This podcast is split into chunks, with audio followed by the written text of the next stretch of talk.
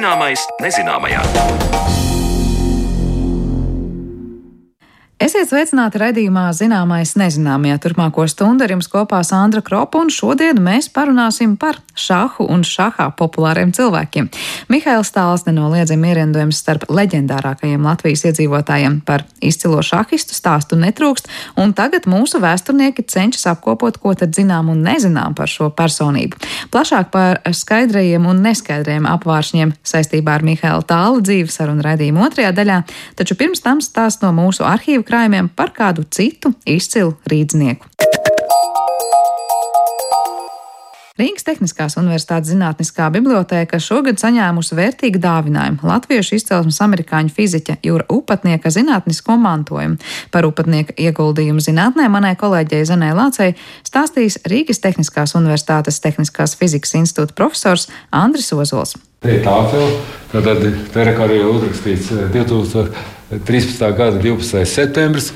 Viņš pie mums uzstājās seminārā un stāstīja par to, kā viņi ir atklājuši ar zemetes līnijas hologrāfiju. Un te viņš arī skicējis, ir, kā tas viss ir noticis. Jā, sākotnēji, ja mums ir tāda ročī, režģi pētījuši un Rīgas Tehniskās Universitātes Tehniskās fizikas institūta profesors Andris Ozols rāda uz baltu tāfeli, kur ar melnu marķieri sazīmēti grafiski attēli un formulas, ko rakstījis Juris Upatnieks, latviešu zinātnieks, viens no hologrāfiskā attēla izgudrotājiem, un par šo izgudrojumu savulaik arī izvirzīts Nobela prēmijai. Juris Upatnieks kā bērns kopā ar vecākiem otrā pasaules kara beigās devās bēgļu gaitās un nonāca ASV. Tur studēja inženierzinātnes un 1961. gadā kopā ar kolēģi Emetu Līcu uzsāka darbu pie telpiska attēla izveidošanas. Rīgas Tehniskās Universitātes Zinātniskā bibliotēka nesen saņēma Jūra Upatnieka pierakstus un publikācijas par šo darbu, bet par to mēs runāsim nedaudz vēlāk. Tagad kopā ar upatnieka kolēģi Latvijā, profesoru Andri Ozolu, mēģināsim izprast, kas bija tas un kā tas izskatās, ko savulaik radīja līdz un upatnieks. Tehniskās fizikas institūta laboratorijā starp dažādiem optikas aparātiem un lāzeru izstarotājiem nelielā statīvā ir iestiprināta stikla plāksnīte, kas dienas gaismā izskatās klāta ar tonētiem rakstiem un apļiem. Bet, ja jūs apskatīsieties, man nekāda attēla tur nav. Es viņu tur attēlu skatīties, kā gribu. Jo, Jūs uzspīdinājāt kabatas lukturīti, jā. bet nekā tur neredzēja. Nu, dabīgi, jā, tāpēc, ka tā nav, nav kaut kāda. Vienkārša gaisma, jā. Jā, nu vispār, teiksim, vienkārši runāt, kas ir hologrāma. Hologrāmas stipri, kā jūs redzat, atcerēties, no te nekāda attēla neredz. Ja? Bet varētu teikt, ka viņš kaut kādā mērā ir nošifrēts. Tas nav nekas cits kā sarežģīts difrakcijas režģis. Vai zināt, kas ir režģis? Nu, vienkārši Dabūt tādu nesavilkt līnijas, tas būtu vienkārši kas reizes. Nu, Šis ir sarežģīts reizes, viņam tās līnijas tur visādas līkas un šķības un, un visādi vērsumi, ja? bet būtībā režģis vien tas ir. Un tas nu, neatgādina attēlu. Var teikt, tas attēls tur ir iekodēts. Jā, faktiski pareizi runāt būtu par hologrāfisko kodu. Bet, ja mēs apgaismojam, mēs to apgaismosim ar lāzeru, tad difrakcijas rezultātā mēs ieraudzīsim attēlu. Jo restaurēsies tie gaismas viļņi, kas atturas no objekta. Nu, to mēs tagad arī darīsim. Te man ir, man ir mans stariņš, ir pats par sevi. Te ir sar, ja? lāzera stars, es redzu, iet sarkans signāls. Jā. jā. Nu, lāzera stars. Un, tā. Tā lūdzu, nākiet lūdzu šeit, ja skatīšanās jānotiek šitie, tā kā caur lodziņu šeit kaut kur, ja? Tā, tā, tā, tā, tā. Kā lūdzu, noskatās, vai jūs kaut ko tur redzat, vai nē, es skatos kā caur logu. Jā, es redzu šāda galdiņu ar figūrām. Lūk, tur zirgs un tornis un, un dāma.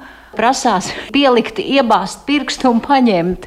Plaknē mēs skatāmies uz telpiskā tēla. Jā, tas, tas ir ļoti svarīgi, ka var mm. plaknē iekodēt telpiskā tēlu.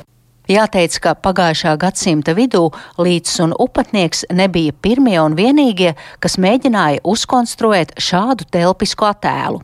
Ir jāmin arī Lielbritānijas zinātnieks Denis Gabors, kurš praktiski bija celmlauzs hologrāfiskā attēla izgudrošanā, un arī Padomju Savienībā dzīvojošais zinātnieks Jurijs Deņis Juks, kurš arī 1962. gadā strādāja pie hologrammas izveides. Visi šie zinātnieki bija pretendenti Nobela prēmijai. Tātad Nobela prēmiju 71. gadā saņēma Denis Gabors par hologrāfu izgudrošanu, bet tur bija liela cīņa par to, kam dot. Jo bija vairāki godājami cilvēkam, taisnība sakot, būtu jāsaņem. Protams, Juris Upnieks un Emīls Līs, tad Juris Deņš Juks, bet arī es neesmu vēl pieminējis arī Stevens Bentons. Tās ir tā saucamās varavīgas holograms, kuras ir plānas holograms, bet var lietot, eh, redzēt baltā gaismā. Tikai viņām no drusku viņas nav, nu, jūs esat redzējuši, teiksim, uz vīzām. Ja? Domāju, vai naudas zīmēm? Naudas zīmēm vai kā. Tad es saprotu, ka tolaik 71. gadā bija četri pretendenti Jā. hologrāfijas laukā uz Nobela prēmiju. Jā, Jā. pat vairāk. Nu, rezultātā kas sanāca? Kaut kādi pieci cilvēki, bet pēc Nobela prēmijas nolikuma var tikai trīs saņemt. Un, nu, tad tie nu, nezināja, kam dot, kam nedot. Tad beigās nolēma atdot vienam. Tā kā var teikt, ka jūras upatnieks no latviešu fizikiem, nu vispār no latviešu zinātniekiem, vistuvāk ir stāvējis pie Nobela prēmijas. Ja viņa kandidatūra tika reāli apspriesta, nu, diemžēl šī apstākļu sakritības dēļ viņš viņu nesaņēma. Tālāk profesors Andris Ozols man aizved uz Rīgas Tehniskās Universitātes Zinātnisko bibliotēku, kur novietota paliela plastmasas kaste, kurā akurāti ir sagrupētas mapes. Tās ir jūra upatnieka publikācijas un pieraksti par pētījumiem gan hologrāfijas, gan optikas laukā. Tā kā sirmais profesors pēdējos gados veselības problēmu dēļ uz Latviju tik bieži vairs nebrauc, tad viņš uzticēja šo materiālu Andrim Ozolam, ko tagad tik viens interesants var aplūkot minētajā bibliotēkā. Un te ir viņa tā teikt mantojums zinātniskais. Tas mantojums ir vienā kastē, tās ir daudzas, daudzas. Tagad man jāprasa jums, kas tas ir, uz ko es skatos. Tās ir publikācijas. Nu, konkrēti, te ir tie raksti, jā, tie raksti, patenti. Sagatavos. Tas ir viņa rokraksts, jā? Viņa rokraksts, un viņš viss sagrupēs. Te nekas nav mainīts. Pats svarīgākais faktiski ir šis sākotnēs, arī chronoloģiski pirmais. A, viņš visi salicis mapēs. Mapēs, jā. jā. Redziet. Šis tas ir 72. gads, tas ir viņa slavenākais darbs, ar ko var teikt hologrāfija. Nu, vispār jāsaka tā, hologrāfiju izgudroja Denis Gabors 1948. gadā. Bet tā bija tā teikt, tāda vienkāršais hologrāfijas veids, pēc tam viņam nebija lāzera, bija ļoti sliktas kvalitātes attēli un viņi kur neieviesās. Kas ir hologrāfija? Hologrāfija ir viņa ierakstu un nolases metode, kas balstās uz šo viņa interferenci un diferenciju. Tā ir precīza definīcija. Salīdzinām ar fotografiju. Fotogrāfijā nu, mēs vienkārši noknipsējam un ir. Ja? Bet mēs faktiski noknipsējam gaismas intensitātes sadalījumu. Bet tie ir plakani attēli. Bet fotografijā reģistrējam tikai gaismas intensitāti, kas ir proporcionāla amplitūdas kvadrātam. Tad tā ir faktiski tikai amplitūda. Un tas ir tas iemesls, kāpēc fotografijas ir plakanas, nav trīsdimensionāli. Bet Denis Gabors izdomāja principu, kā ieiešot papildus staru atbalstu un izmantot gaismas viļņu saskaņotību laikā un telpā, reģistrēt arī fāzi. Jo tieši fāze ir atbilstīga pat trešo dimensiju. Teiksim, mums ir divas acis. Kāpēc tas tā ir? Nu, mēs redzam, ka tur māja ir. Un es viņu redzu drusku savādāk, kā labo un kreiso acis. Mūsu smadzenes šos abus attēlus savieno un uzkonstruē mums trīsdimensionālu attēlu, ko mēs redzam. Tas ir cits smadzeņu darbības produkts, ko mēs redzam. Nu, lūk, bet fotografijā tā nav, tāpēc viņi ir plakā. Nu, un, lūk, Gabors izdomāja, ka tā var šo interferences un diferencijas principu, bet eh, rezultāts bija praktiski ļoti nu, praktiski nelietojams. Ja? Tad, lūk, 1960. gadā tika izdomāts lāzers un e, Kemets Līs un Jūras upatnieks izdomāja metodi ar atdalītiem atbalstu un priekšmetu stariem. Un rezultātā var iegūt ļoti kvalitatīvus holograms, un tad īstenībā sākās hologrāfijas strauja attīstība. Un šis ir tas raksts, ar ko viņš sākās. Redziet, rekonstructed wavefronts and communications theory. Tas ir diezgan teorētisks darbs. Ir, ja? Bet tas ir tas faktiski viņa galvenais darbs. Izdots 1962. gadā, publicēts oktobrī Tas ir interesanti, kā viņi līdz tam nonāca. Es redzēju, tev zēja figūrē communication theory, tā ir sakara teorija. Lieta tāda, ka gan pats Emets Līs, gan arī Jūras opatnieks, Jūras opatnieks ir beidzis Sakronas Universitātes elektrozinību fakultāti. Nu, faktiski inženieri elektriķi. Un tajā laikā viņi nemaz nebija domājuši, ka viņi izdomās tādu hologrāfijas jaunu metodi. Bet viņi militāros nolūkos strādāja Vilorānas laboratorijā pie sekojošas problēmas, kad no satelītiem un no lidmašīnām tika uzņemta radio viņa diapazonā, teiksim, zemes virsmas attēli, un bija viņa jādabūna optiskā diapazonā. Un to viņi domāja, varēs izdarīt ar Gabora metodi, Bet, kad viņi to darīja, viņiem tur lāga nesanāca. Un tad viņi tādēļ bija spiest izdomāt savu metodi, kas tos daudz augstākas kvalitātes attēlu. Un interesanti, ka pie tā viņa būdami elektroinženieri nonāca nu, ar sakaru teorijas terminiem, tādiem kā nesēja frekvence, amplitūdas modulācija un tādas lietas, kas jums ir sveši. Bet to visu var pārfrāzēt optikas jēzienos. Nu, viņi to arī izdarīja.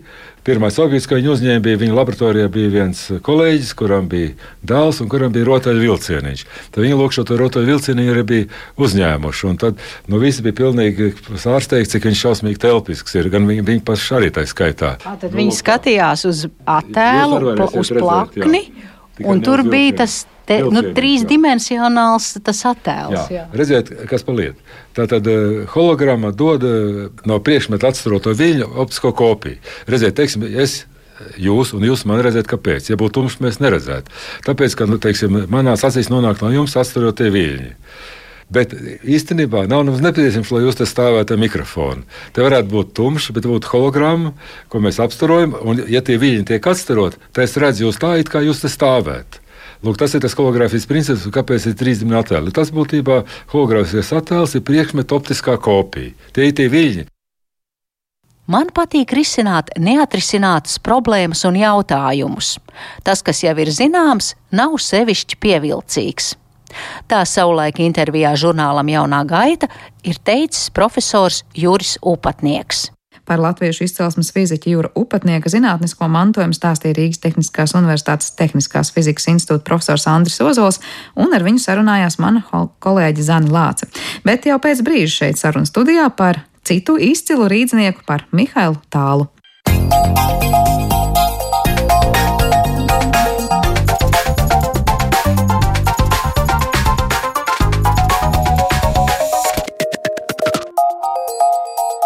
Zināmais nezināmajā.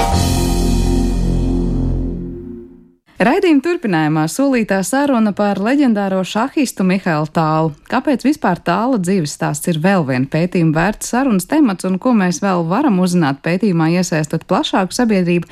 Par to sarunu raidījuma turpinājumā, jo mūsu studijā ir šaha entuziasts un vēstures izpētes un popularizēšanas biedrības valdes priekšsēdētājs, arī jāpiemina šaha turnīru rīkotājs Andris Tihomīros. Labdien! Labdien! Vispirms par to stāstu par tālu. Es saprotu, ka top grāmata par viņu. Ja, kas ir tas iemesls vai tā iedvesma, kas bijusi, kāpēc par tālu ir jāraksta grāmata? nu, pirmkārt, tāls ir nesen beidzās aptauja, un tālu atzina par otru populārāko sportistu Latvijā aiz šķēpmetēja Lūša. Nu, es, protams, uzskatu, ka viņš ir pats populārākais uh, sportists Latvijas, un uh, par viņu nav biogrāfijas. Nu, tik ambiciozi, ka uzrakstīt biogrāfiju, nu, tas nav, bet tas varētu būt šī grāmata ir pirmais solis, jo tās ir mm, cilvēku atmiņas, kas bija uh, viņa draugi, personīgi pazīstami vai pat nejauši satikās uz kaut kādu brīdi no dažādiem dzīves posmiem. Līdzīgas atmiņas ir sarakstījuši, nu, sarakstījusi viņa sieva, pirmā, un tur vēl daži zinām cilvēki, bet tāds plašāks nav. Nu, tā tas tāds mm, ceļš uz biogrāfiju. Bet tas avoti, no kurienes tad labi tie to cilvēku stāsti arī, un tad ir kaut kādi arhīva materiāli, vai tam šoreiz īpaši uzmanību nepievērsīs? Tas, jā, pa, pamatā tās ir tiešās intervijas ar cilvēkiem, ar kuriem es tiekos, bet es lasu arī intervijas un rakstus arī, nu, kas ir periodu, nu, vecie, vecie laikraksti raksti pieejami. Bet uh, es nezinu, vai viņas tiks izmantotas grāmatā, bet grāmatā būs noteikti tie cilvēku stāsti. Un kad ir uh, gaidāma grāmata, vai nu kā izskatās? pusotrs, divi gadi pagaidām. Bet šobrīd ir tas sākuma posms, tad Jā. cilvēki ir apzināti, vai tur tomēr, piemēram, tiek meklēti vēl cilvēki, varbūt kāds var pieteikties, izdzirdot šo sarunu. Es gribu kaut ko pastāstīt. nu, jā, tur tas ir kā zirdeklis. Respektīvi, man bija sākotnējais saraksts, nu, kur es zināju tos cilvēkus, kurus vajag satikt. Un tad es tur uh, ar viņiem sāku tikties, un intervijas pēdējais jautājums ir, ar ko jūs man ieteiktu parunāt. Nu, un tad viņi tur cits iesaka vienu, cits iesaka trīs. Nu, tas saraksts man tagad ir 80, 90 cilvēki. Nu, tā, un uh, tas ir viens ceļš, kā lai es līdz viņiem tieku. Un otrs, protams, sociālos tīklos ierakstīju, un tur bija jau interesantāki kontakti. Jo tas primārais, ko es šobrīd meklēju, ir nevis šahisti, jo šahistus es nu, aptuveni zinu, visus, ar kuriem vajadzētu runāt, un, bet tieši ne šahisti. Nu, piemēram, viņa klases biedri Nu, vakar man bija intervija ar uh, vienu gadu vecāku cilvēku nekā bija tāls. Nu, Tātad klases biedriem arī vajadzētu būt dzīviem, un uh, otrs uh, kursa biedri. Tad kaut kādi cilvēki, kas varbūt, es nezinu, tur mm, viņu satika kaut kādos citos apstākļos, kas nav šāda turnīra. Kaimiņi, piemēram. Jā, kaimiņš man viens ir. Kaimiņš stāstīja, tur uh, Tā kā, kā bija tā informācija, ka, ka viņš atbraucis no turnīriem, tāls, tad bieži mēģinājis aizmigt vannā un apludinājis viņus. Nu, parastais kaimiņš tās. Un, jā, kaimiņi arī. Un, un, un, un, un tam līdzīgi. Tas ir tas, ko primāri meklējām. Ir kaut kādi pamatjautājumi, uz kuriem mēģinās atbildēt. Ko no visām tām intervijām mēģina dabūt ārā? Uh, nu jā, man, man vairāk interesē viņa teikt, civilā puse, nevis šahista, jo mm, tā nebūs grāmata vairāk par viņa spēles stilu, jo tādas gan ir. Uh, vai viņa partijām. Es domāju, ka es tur nevienu partiju nelikšu iekšā. Tā būs grāmata, lai var izlasīt jebkurš cilvēks par kas, kā, kas bija tāls un kāds viņš bija, un varbūt arī kāpēc, jo tas nāk ārā no tiem stāstiem. Uh, Un, bet, nu, pam, pamata jautājumi man ir, uh, tur ir tur virkni jautājumu, ko es visiem prasu. Un, nu, tas uh, kaut kādu konkrētu, es nezinu. Var teikt, tas caurvīm motīvs būtu vienkārši parādīt viņu kā, kā reālu cilvēku, kā jā. kaimiņu, kā klases biedru. Jā, jā, jā. Kas viņam patika, kas viņam nepatika, kas viņam garšoja, kas viņam negaršoja.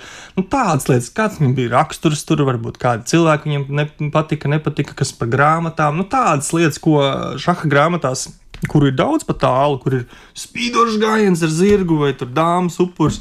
Nu, tas visiem ir zināms, kā šahistiem, bet, uh, bet kā viņam nu, kā dzīvē patika, vai ko darīt, vai kāds viņš bija, tas ir baigi maz, tas ir baigi fragmentāri. Kā tu raksturot viņu kā cilvēku? Nu, cik kaut ko jau esi iepazinis, klausoties tajos stāstos kaut vai? Jā, nu, protams, tas atkarīgs no katra cilvēka skatījuma. Nu, piemēram, es droši vien par viņu domātu savādāk, ja viņi būtu pazinis cits savādāk. Šahists viņu redz savādāk. Tāpēc, man liekas, tā grāmata vajadzētu būt interesantai, ka katram ir savs pa viņu viedoklis. Bet tas, kas visus caurvīja ārā, bija tas, ka viņš bija asprātīgs, ļoti dāsns cilvēks. Nu, dāsns tajā ziņā arī, ka Mm, viņš vēl varēja veltīt tev laiku daudz, neskatoties uz viņu statusu sabiedrībā. Nu, viņam tas status pašam arī neko daudz nenozīmē. Tas arī no visiem stāstiem nāk ārā. Piemēram, viņš bija nu, ļoti augsta kalibra cilvēks, nu, padomju savienībā. Nu, pasaules čempions, vēl šahists, ļoti spēcīgs. Nu, tas tā kā nu, ar Pugučovu satikties. Nu, viņi vai tev veltītu tur divas, trīs stundas parunāties. Tāls to darīja. Otrs, nu, viņš arī spēlēja ar visiem to šahu, neatkarīgi no viņa kvalifikācijas. Citi tā nedarīja, citi uzskatīja to nu, par kaut kādu laika tērēšanu. Un par to dāsnumu, tas ir kā laika dāsnums un nu, sevis dāsnums par citiem. Bet viņš arī materiālās dāvanas kaudzēm dāvināja. Tur ir viens stāsts, ko, kur viņš bija aizbraucis uz Kaliforniju pie viena, pavadīja jaunos šahistus nu, braucienā. Un, uh, tur satika vietējo spēlētāju, un viņš teica, ka vajadzētu uz Disneylandu aiziet. Tālāk. Un viņi domā, kāda kā Disneylanda, nu, labāk partijas panelizēsim, nu, kaut ko tur šāhu nodarbosimies. Un tā viņš saka, nē, nē, vajag uz Disneylandu aiziet. Un viņa, nu, nu, tajā laikā, tas ir 88. gads, laikam, ja nemaldos, nu, to Disneylandu nemaz nebija tik daudz pasaulē. Un tad uh, un, uh, viņi, viņi aiziet, un viņš, ko viņš tur darīja? Viņš sapirka mantas, uh, rotaļlietas bērniem, saviem radiniekiem. Tā. Tas tā kā tas galvenais. Tā kā, tā kā vienmēr domā par, par citiem. Jā, jā, jā, un viņš pirka arī tās dāvanas, ko viņš tur veda. Nu, tur ir rādījuši cilvēki, viņi pat ir saglabājuši viņas. Nu, tā kā tādas. Tā kā iespējams to grāmatu kāds varonis varētu būt stāsta varonis, kāds, kurš ir saņēmis tālu dāvinātu rotaļlietu. Nu, jā, nu, varbūt. Nu, un tā. Viena radiniece stāstīja, ka viņa bija ārkārtīgi lepna par to, ka viņa pati bija tā, ka, nu, trūcīga ģimene. Nu, un tāls vienreiz atveda viņai, tas ir kaut kāds nepateikšu precīzi, bet ap 70. gadu, man liekas, vai bišķiņa agrāk. Varbūt tas ir piektais, tagad nepateikšu. Uh, helikopteru spēļu. Nu, bet... Kāpēc spēļu? Es jau sāku domāt. Nu, jā, nu, helikopteru spēļu. Tā, nu, viņai bija kaut kāds tas, nu, tā kā ar principu, nu, nu tie prastie bija tādi koki, un kas tur, ne, tur jau nebija plasmas un elektronikas, bet viņš lidoja, nu, pa gaisu, tā kā helikopters. Es kaut ko tādu atceros, ka tādas rotaļlietas bija tajā laikā. Un viņi teica, nu, ka tā bija rotaļlieta, tāda mega. Nu, viņš tā domāja par citiem cilvēkiem. Viņš vispār sajūta, labi, viņš domāja par citiem, viņš bija tāds piezemēts cilvēks, bet viņš sajūta, ka viņš ir tāds zvaigznes statusā vai augsta kalibra, kā tu teici, statusā. Jā, nu, nu, nu, tas, kas no tiem stāstiem, protams, viņš nu, nebija tā kā muļķis. Viņš saprata, ko viņš sasniedzis un tā, bet viņam. Uh, viņam pašam viņš centās no tā, tā izvairīties no tām situācijām, kurām, kuras rada viņa status. Cik var saprast, viņš tajās jutās nērti nu, viņš tik ir ļoti populārs vai, vai tā. Viņš centās no tā izvairīties. Nu, piemēram, arī vien, viņš pats pēc tam intervijās saka, un tas nav tikai viņam vienīgajiem, citiem šahistiem, kas ir bijuši pasaules čempioni, arī tā. Viņi saka, nu, ka baigi grūti ir būt par čempionu ka viņš pat var teikt, ka gribēja nu, teorētiski kļūt par ekstrempionu. Viņš pats arī smējās, ka nu, ekstrempions tomēr ir stabilāks nosaukums. Bet viņš apzināti gāja uz to, ka tajā karjerā viņš grib būt tas čempions, un viņam iezīmējās tāda, var teikt, nu, kārtīga cīņas spars par to, ka es gribu būt pirmais, vislabākais. Vai viņam vienkārši patika spēlēt čahu un sanāca tā, ka viņš ir čempions Nā, vairāk kārtējs? Nu, viņš, viņam tie, tie kas cilvēki, kas kļūst par šahu pasaules čempioniem, tur ir tā īpašība kombinācija, kaut kāda noteikti vajadzīga. Un viņam bija viena no, kas ir ļoti, ļoti svarīga. Viņš gribēja vinnēt jebkuru partiju, ko viņš spēlēja. Piemēram, pat ja viņš spēlēja ar amatieru, nu, pilnīgāko, nu, ko intervijās tur nešahisti stāsta. Kad viņš spēlēja to partiju, viņš, viņa mērķis bija uzvarēt par jebkuru cenu. Tā kā pat pret amatieru spēlējot, nu, kur, kur nu, tur statistiski nav baigā varbūtība, ka var savādāk beigties partija. Viņš ļoti, ļoti gribēja vinnēt visas partijas, kuras spēlēja. Tā kā ļoti nopietni piegāja. Jā, un tad, tad tas ir tāds. Un, Viņš kļuva 60. gadā par čempionu, un viņš ne, ne, neveda tādu, nu, teiksim, sportisku dzīvesveidu, par sevi nerūpējās. Bet tas nāk vēlāk, nu, ka šahā vairs nevar vinnēt, ja tu nesporto. Viņš vēl varēja. Nu, viņš bija tas pēdējais, kurš vēl varēja. viens no. Eh, kā, nu, cik daudz ir zināms, kāpēc vispār viņš pats šaham pievērsās, un kur bija tā viņa atslēga būt tik mm. talantīgam? Nu, kā daudziem eh, tajā laikā viņam parādīja tur ģimenē to šahu. Nu, tad viņiem toreiz jau nav tik daudz eh, tajā laikā jāsaprot eh, to rotaļlietu vai lietu, kas tevi novērš uzmanību vai ne no ikdienas. Nu, tā kā mums ir televizors vai internets, un tad šachs ir tāda jocīga lieta. Nu, tur pieaugušie cilvēki sēž tur klusi, ja, un bīda kaut kādas figūriņas, kaut ko stāsta, ir kaut kādi noteikumi. Un tas ir tāds tipisks stāsts daudziem, kā viņi sāk spēlēt. Nu, kaut kāda jocīga spēle, ko spēlē pieaugušie. Pieaugušie jau parasti nespēlē spēles. Viņi sēž pie galda, ēda rosulu, tā, iedzer kaut kādu dzērienu un, un, un, un, un pastaigājās pa garlaicīgām vietām. Tas šachs tas ir kaut kas tāds rotaļlietu bērnu acīm, ko dara pieaugušie, bērni jau grib darīt to, ko pieaugušie. Un tad viņi tā ieiet šahā. Nu, protams, viņš ir Uh, tas talants arī, mm, vai tā ģenialitāte, viņa var izpausties tur dažādi. Viņam uzreiz nebija, bišķiņi vēlāk tur. Bet, bet nu, pietiekami ātri, protams. Nu, viņu tā karjera sākās ļoti strauji. Tur. Viņš pats ir uh, 36. gada reķina, viņš vinēja pirmo pasaules čem, PSRS čempionātu 21. gadā jau un 24. viņš bija čempions pasaules. Šahā tas skaitās ļoti, ļoti agri. Tam kā? laikam noteikti mm -hmm. ļoti agri. Jo PSRS čempionāts toreiz vispār uzskatīja, uzskatīja, tika uzskatīts par nu, pasaules spēcīgāko turnīru. Un viņš viņu vinnēja 21. gadā, 22 gados, nu, divreiz pēc kārtas, un pēc tam kļūst par pasaules čempionu, jaunāko, jebkādu, nu, uz to brīdi. Nu, tā. Jā, interesanti. Tas šachs šobrīd ir mainījies. Ja, daudz jo. jaunāki var kļūt par Tagad, jā. Uh, pasaules čempioniem. Tagad, nu, Reķina tāls kļuva par lielmeistaru tajā 21. gadā, ja nemaldos. Tagad tur nu, 12, 13. Tagad jau 21 gadu vecumā pensijā. Jā, jā viņi tur 35 gados iet pensijā. Tad, kad vēl tāls spēlē, tad tur viņam partneriem 70, 80 gadu visi tur normāli spēlē. Nu, tagad tā nav. Vai viņa var teikt, nu, prātā kaut kas citādāk, prāta asumā citādāk ir spējājis, nezinu, izdomāt, paredzēt, um, analizēt, kaut kas bija unikāls. Nu, viņam bija fenomenāla atmiņa. Tas arī ir viena no čempionu īpašībām. Viņš varēja, piemēram, viņš izspēlēja kaut kādas mm, partijas ātrā šaha tur, turnīrā, 12, 11, piemēram. Nu, kad ir ļoti, ļoti maz laika, iedodas 5 minūtes, un tā. Nu, viņas neviens nepieraksta tās partijas. Nu, pēc tam kaut kādas fragmentus parasti cilvēki atcerās tur tā, bet tāls atcerējās, vis, atcerās, nu, atcerējās visas partijas, visas gājienas viņš varēja nu, izdarīt. Tāpat arī grāmatas viņš lasīja kaut kādā ārprātīgā tempā. Nu, viņš tur pa nakti var izlasīt vairākas grāmatas un visas atcerās. Viņam bija tā fotografiskā arī atmiņa, cik var saprast. Nu, viņš zināja no galvas nu, ļoti daudz ko. Un tas īstenībā jau arī tā nojaust radīja viņam arī to emocionālo uh, spriedzi. Nu, tā. Viņš visu laiku tādā nu, uzbudinājumā, tā kā jau dēļ tam smadzenēm.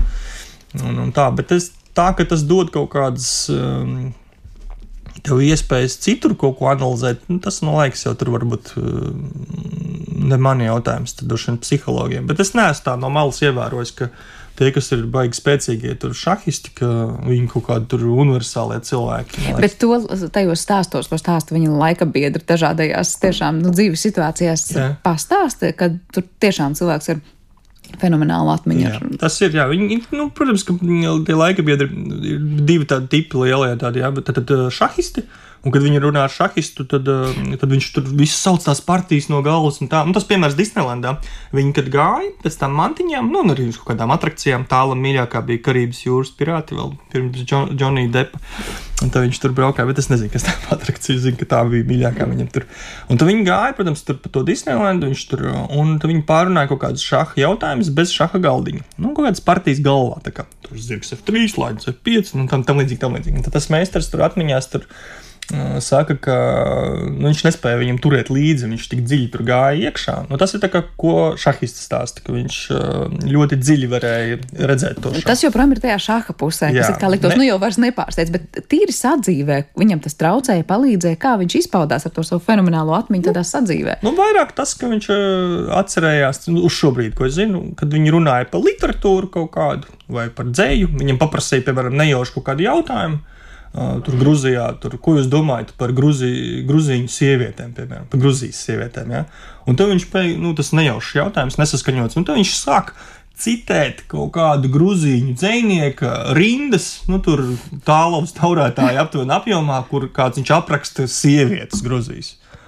Nu, tā, nu, respektīvi, viņš, viņš atcerējās, nu, cik var saprast, nu, laikam, gandrīz visu, ko bija lasījis. Nu, tas, tas, liekas, tā... kā viņš to vispār savā galvā uzturēja. No, nu, liekas, jā, nu... Es domāju, ka tas nav viegli. Um, es saprotu, viņa bērnībā izteikti matemātika jau parādījās kā tāda stiprā puse. Jā, jā, jā.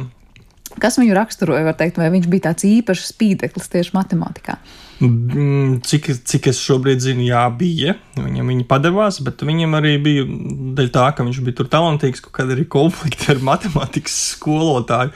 Bet vispār viņš, sko... jā, un tad vajadzēja tur viņam pamest pat to skolu, lai ka viņi tur nevarēja kaut ko, varbūt pa formulām vienoties. To epizodi es tik smalki nezinu, bet jā, matemātika viņam bija. Un, bet tā viņš vispār ir humanitārais. Viņš studēja filoloģiju, literatūru universitātē. Viņam diplomdarbs ir par Petrova Ilfa 12 krēsliem. Ko viņš, protams, arī zināja no galvas. No galvas. Es jau gribēju prasīt, droši vien literatūrā viņš visu zināja no nu, jā, galvas. Nu, tu, ko lasīja, viņš atcerējās. Un... Viņa tas stiprais arī viens no, protams, viena no stiprām pusēm, saprot, bija tie zibens turnīri. Jā, jā, vai jā. var teikt, tur viņš demonstrēja to savu fenomenālo atmiņu, un tieši tā var teikt, viņu tur nu, nu, izcēla saulītē. Tur, nu, es domāju, ka tas bija jebkurā partijā, bet tas, kas viņa tur, viņa, viņa stiprā puse bija radīt uz um, šāda galdiņa partijas laikā nu, ļoti sarežģītu kombināciju. Nu, tādu, kur, teiksim, tā, nu, mm, kas nav varbūt standarta. Nu, es nezinu, kā lai pasakā, viņam patika upurēt figūras. Tas nozīmē, tiem, kas nespēlē šāhu, teiksim, atdot, nu, kā, ļaut nokaut, piemēram, savu zirgu, nenokaujot pretinieku, piemēram, tādu pašu vērtības figūru, bet iegūstot pret to iespēju aktīvāk uzbrukt tam pretiniekam. Un, un tajā blicā vai zibens turnīros, kur ir ļoti maz laika, parasti 5 minūtes tajā laikā bija Tev ļoti maz laika ir, lai tu spētu tikt galā, saprast, nu, kas tur darās uz tā galdiņa. Un tad viņam bija ļoti, ļoti labi rezultāti līdz dzīves beigām. Tur viņš bija vadošais pasaulē. Viņš arī pirmo pasaules čempionātu vinēja. To, ka, viņa, jā, to, ka viņa tā statistika ir tāda, ka tiešām, nu, lauri, laura galā, bet ir kaut kas tāds, nu, kaut kādā pašā šaha pasaulē, ko ieviesa vai izdarīja vai mainīja tieši dāla dēļ. Nu, proti, kāda ir tā viņa nozīme vispār nu pasaules nu, kontekstā? Katrs pasaules čempions kaut ko tur ienes. Un, uh, Un kāpēc viņš vispār ir viens no populārākajiem šahistiem un arī pasaules čempioniem? Kad viņš spēlēja maču pret Butviņiku. Mums to tā opera bija Mihails pret Mihailu. Un, uh, Un, bet viņīgs nu, tāds nu, šaha klasiķis, viņam tur gājieni, tur loģiski, tur reglamentēti un tam līdzīgi. Un tad atnāk te, pirāts no Rīgas, kā viņi tur sauc. Un spēlē, nu, ne pēc visiem tiem likumiem, kā jāmācās, kā jāspēlē šachs. Viņš tur saka, upurē tās figūras, un vienu pēc otras, un tā ir tāds nestandarta gājiens, jo toreiz, nu, tomēr visi sekoja pasaules čempioni spēlē. Ja, un, ja pat viņi spēlē nu, tā klasiski, tur fundamentāli, tad atnāk tāls un tur, pff, tur hauss uz galdiņa sākās.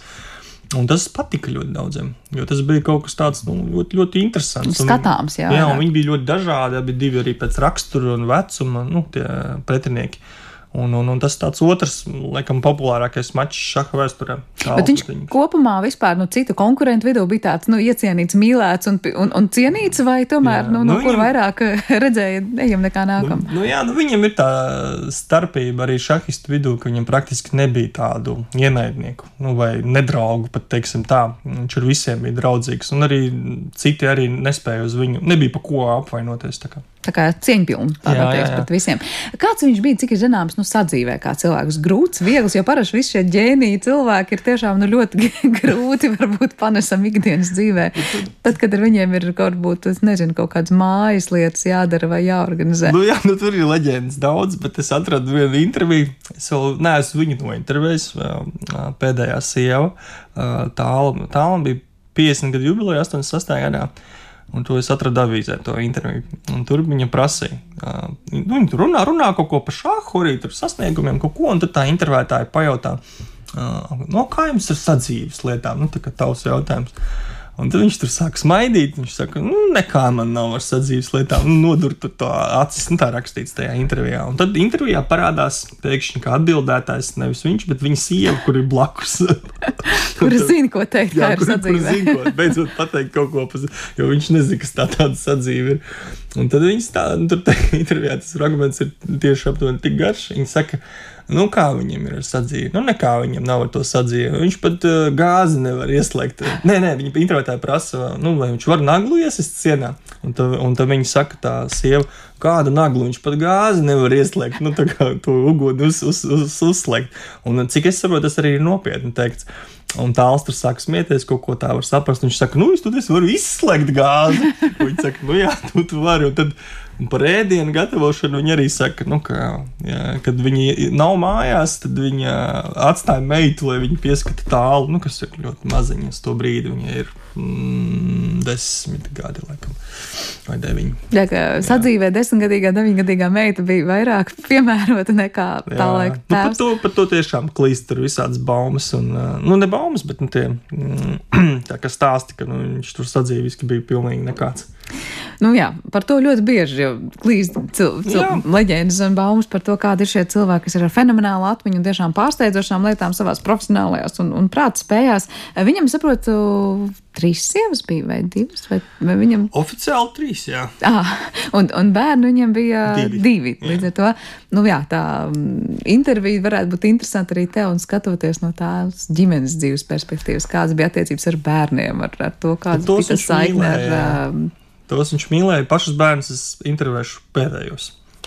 Tā, nu, tāpēc, ka nu, radiniekus, nu, tos tuvākos, ja sievas piekritīs, un, un, un, un es, es šobrīd tā runāju, es esmu un sarakstījies ar viņu meitu, nu, tur konsultējos, tur, bet es, jā, es viņai teicu, ka mēs mm, intervēsim viņus pēdējos. Kā tu tiec galā ar to, ka, nu, protams, katrs stāsta savus atmiņas stāstus un sajūtas par cilvēku, un tās vienmēr ir subjektīvas. Ja nevienam liksies tā, otram tā. Un tomēr, piemēram, ja pēkšņi uzrādīsies kāds, kurš teiks, es biju viņa kaimiņš un tā tālāk, un tā joprojām, un proti, nu, kā tu nošķirs, vai tas patiešām ir tas cilvēks, vai viņš stāsta daudz maz objektīvas lietas, vai tev kāds var vienkārši izdomāt tagad stāstus un leģendas par viņu? Jā, tas ir ļoti labs jautājums. Šobrīd es, nu, es pats vēsturnieks esmu.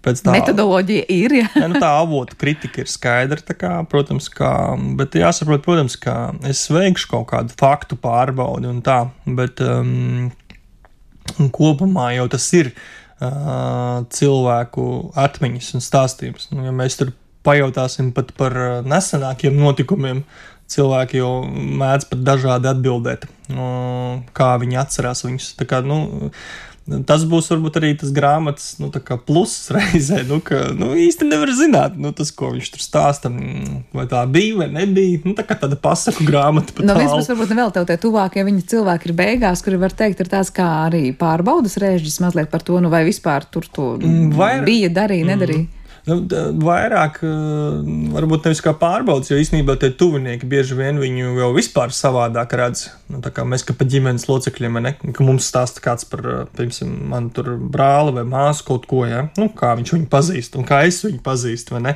Nu, ģimenē tas savādāk pazīst viens otru.